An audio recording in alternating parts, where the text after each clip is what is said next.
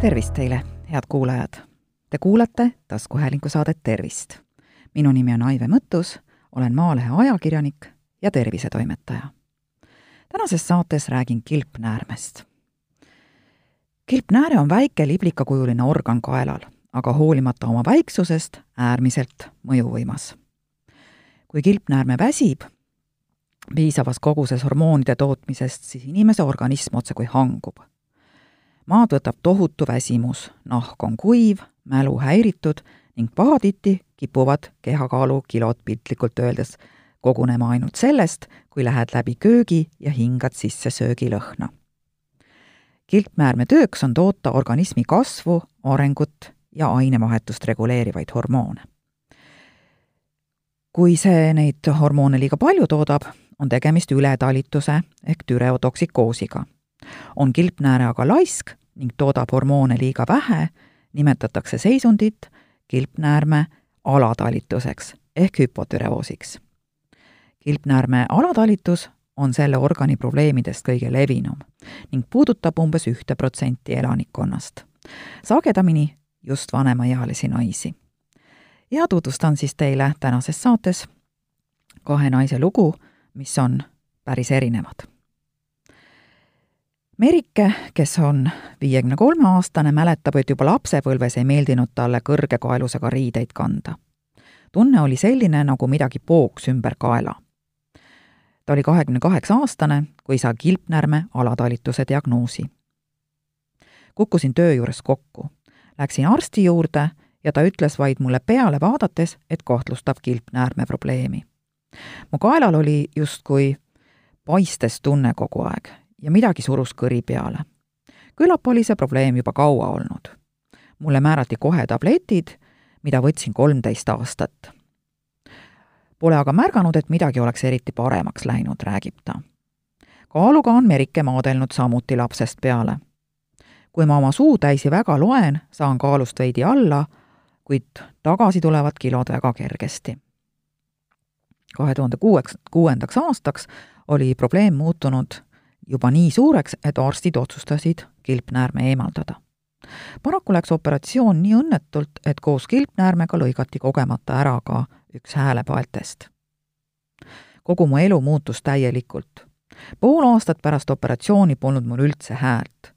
selle peale arvas tööandja, et ma häält tagasi ei saagi ning ütles mulle töökoha üles. pidin õppima uuesti rääkima, sööma, neelama, kirjeldab Merike ja kuna tema hobideks olid olnud koorilaul ja tantsimine, siis nendega ta enam tegeleda ei saanud, sest ühe hääle paelaga võttis iga vähemgi liigutus ta väga võhmale. juba poole päeva ajal tundis Merike, et ta ei jõudnud mitte midagi teha, isegi siis mitte, kui oli hästi maganud. ja tema lapsed naersid, et kui toimuks haigutamise maailmameistrivõistlused, siis need kindlasti võidaks nende ema. kaaluga võitleb Merike samuti kogu aeg, siiani välja. kilpnäärmerohtusid peab ta võtma elupäevade lõpuni ning samuti käima kaks korda aastas arsti juures kontrollis. kuna operatsiooniga lõi tal välja ka kaltsiumipuudus, tuleb lisaks manustada kaltsiumi. kuid selle tagajärjel tekivad organismis soolaladestused. nii et ühest hädast sai Merike lahti, aga teine tuli asemele Kaia, neljakümne kuue aastane, on eluaeg olnud pigem ülisale, isegi alakaaluline. enne neljakümnendat sünnipäeva aga avastas arst tal üsna juhuslikult, et Kaia kilpnääre töötab laisalt. ja naisele kirjutati välja L-düroksiin ehk kilpnäärmehormoon. esialgu suhtusin hormooni tarvitamisse ettevaatlikult ja jätsin vahepeal ka rohu võtmata mingil ajal läks aga tervis täiesti käest ära ja siis hakkasin ravimit regulaarselt võtma. iga päev pool tabletti, nii nagu määratud. sain verenäidud korda, kuid mingil põhjusel saatis perearst mind endokrinoloogi juurde uude kontrolli. ja too määras mulle juba poole tableti asemel terve tableti päevas. ja vaat siis hakkas mu kehakaal mühinal tõusma, meenutab Kaia. olin olnud alakaaluline ja nüüd sain küll kätte normaalkaalu, aga mind väga häiris, et rasva ja tselluliiti kogunes igale poole. ja sellepärast loobusin rohust ning tegin vereproovi siis, kui olin pool aastat ilma ravimita elanud. kõik oli väga normis. võtan pidevalt vitamiine, mis toetavad kilpnäärme tööd ja olen nüüd jälle oma nii-öelda normaalkaalus. mulle tuli ka jõudu ja energiat juurde, kui ravimi võtmise lõpetasin päris terveks Kaia aga ennast ei pea, sest hoolimata paremast enesetundest kipub ta kergesti väsima. miks siis aga kilpnääre niimoodi viilima hakkab? Ida-Tallinna Keskhaigla endokrinoloogia keskuse arst Kristiina Isand selgitab, et suurem osa kilpnäärme alatalituse ehk hüpotüreoosi põhjustest on tingitud kilpnäärme haigustest ja ainult viis protsenti seotud kilpnäärmet stimuleeriva hormooni tootmise probleemidega. Kõige tüüpilisemad alatalituse põhjused on autoimmu-, autoimmuunne türeoidiit ehk kilpnäärmepõletik, radiojoodravi ja tehtud kilpnäärmeoperatsioonid. kilpnäärme probleeme võib tekitada ka jood ja lood, joodi leidub suuremas koguses merevetikates, röntgenkontrastaines ja ravimis nimega amiodaroon. kilpnäärme alatalituse diagnoosimiseks piisab vereanalüüsi tegemisest sellest selgub, kas inimese organismis on piisaval hulgal kilpnäärmehormoone. verepildi põhjal määratakse tavaliselt kilpnääret stimuleeriva hormooni ja vajaduse korral ka kilpnäärme vabade hormoonide kontsentratsioon. autoimmuunse kilpnäärmepõletiku kahtluse korral otsitakse verest sageli ka põletikule iseloomulikke kilpnäärmevastaseid antikehi.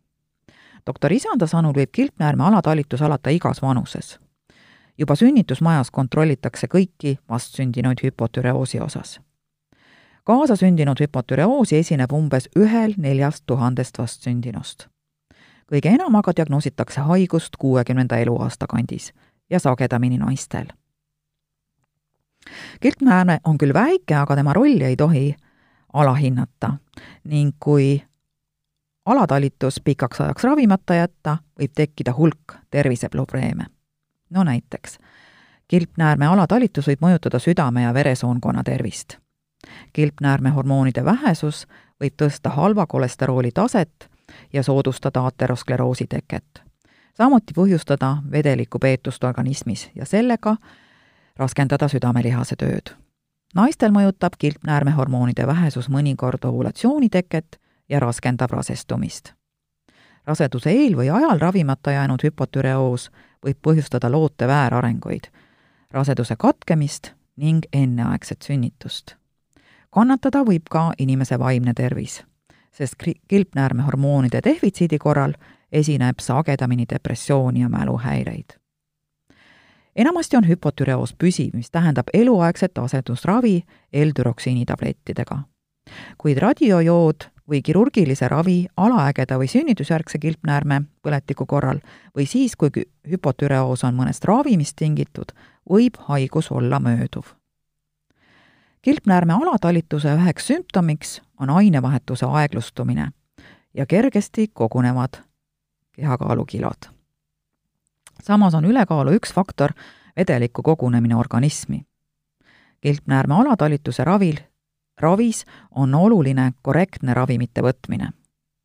tuleb meeles pidada, et kilpnäärmehormooni L-düroksiini tuleks võtta hommikul pool tundi enne sööki klaasi veega. ja lisaks on tähtis regulaarne ravikontroll. enamasti on piisav, kui teha kilpnäärme analüüs üks kord aastas. muidugi on oluline mitmekesine, tasakaalustatud ja regulaarne toitumine ning mõõdukas füüsiline koormus. see on alati oluline tervise heaks. paljusid haigusid saab ise ära hoida, kuid kilpnäärme alatalitust kahjuks selliste hulka ei kuulu. samuti pole võimalik selle teket prognoosida. kui on kahtlus, et kilpnäärme ei tööta nii, nagu vaja, siis esimesed analüüsid teeb alati perearst. ja saate lõpetuseks loetlen siis üles sümptomid, mis võivad viidata kilpnäärme alatalitusele.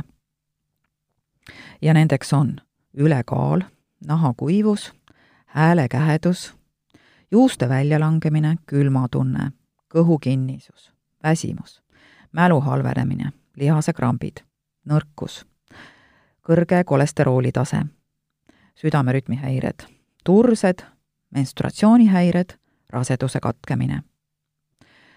tähelepanelik tasub olla siis, kui esineb teisi autoimmuunseid haigusi, sealhulgas esimest tüüpi suhkruhaigus. Kui mõni lähisugulane põeb kilpnäärmehaigust või inimesele on tehtud kiiritusravi pea- või kaelapiirkonnale. või ta võtab kilpnäärmetalitust mõjutavaid ravimeid, näiteks amiodarooni. ja kogu see kena jutt oli kirja pandud ajakirjanik Kristina Traksi poolt ajakirja Tervis pluss märtsi-aprilli numbris kahe tuhande üheksateistkümnendal aastal. head kuulajad, te kuulasite taskuhäälingu saadet Tervist.